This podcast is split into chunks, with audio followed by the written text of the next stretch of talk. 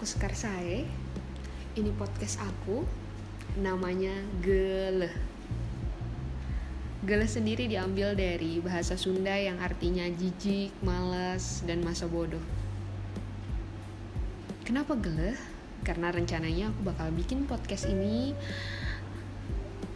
untuk bercerita tentang kegelehan orang-orang saat-saat mereka mendengarkan curhatan cinta orang yang lagi jatuh cinta ataupun yang sedang patah hati yang kadang berlebihan jadi dengerin dan mari geleh bersama menggelehkan hal yang geleh dengerin dan don't be judge me oke okay?